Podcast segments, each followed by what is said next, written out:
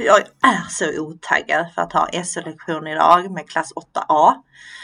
Det ska läsa rätt mycket text idag i religionsboken och sen svara på frågor kring vad de har läst. Och jag vet redan nu att det kommer bli stökigt. Jag fattar inte vad det är med att bara sitta och läsa i en bok. Varför blir det stökigt? Det borde bli lugnt och tyst i klassen när alla läser. Ja, vad intressant att du säger just det.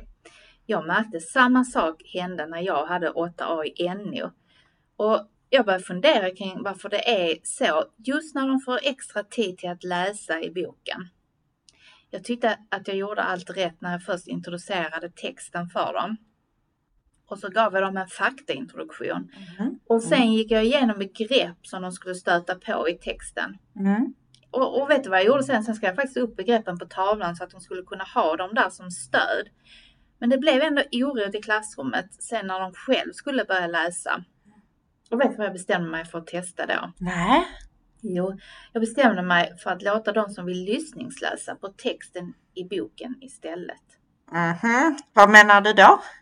Jo, jag kom ju på att alla elever har ju tillgång till inläsningstjänst. Mm, nej, det är väl bara de som har äh, läs och skrivproblematik väl? Ja, vet du så tänkte jag också. Tills jag träffade 8A. Jag, mm. ja, jag vet ju att några elever i klassen har behov av att lyssningsläsa. Men sen började jag fundera på det. Eh, jag själv, jag, jag själv lyssnar ju ofta på ljudböcker, poddar och föredrar det mm. framför att läsa om till exempelvis, ja, som ditt ämne historia. Ja. Så jag började tänka på att detsamma kanske gäller för mina elever.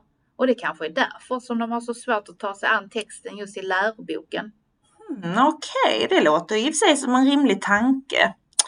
Jag har nog inte bara tänkt på detta tidigare och att inläsningstjänst är till för alla. Mm, men eh, hur gjorde du rent praktiskt? Ja, det första jag gjorde var att jag gick in i inläsningstjänst och sen så delade jag ut NO-boken mm. och så la jag den i alla elevers bokhylla så att de sen lätt skulle hitta den när de gick in på inläsningstjänst själva.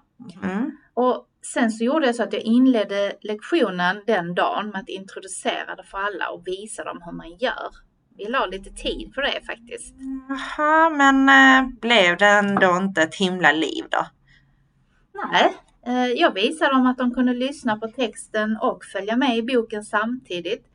Och jag kallade det lyssningsläsa så att de mm. skulle få en förklaring på vad de faktiskt gjorde. Och sen så pratade jag lite med dem om det och introducerade och berättade för dem att eh, några elever kanske behöver det för att kunna ta till sig texten lättare. Och att det kan ju handla om att man har dyslexi eller någon annan läs och skrivproblematik eller till exempel att man har annat modersmål eller helt enkelt att man, man är en elev som föredrar auditiv inlärnings, inlärningsstil, precis som jag själv.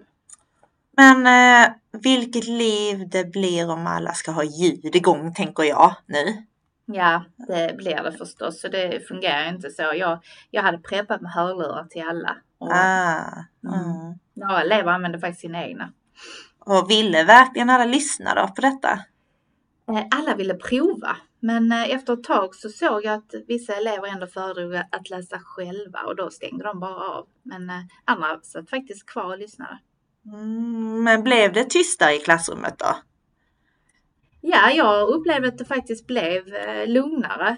Men eh, kanske inte för att de tyckte att texten var så himla fängslande utan jag tror faktiskt att eleverna kände att de fick valmöjligheter när det gäller att ta sig an texten.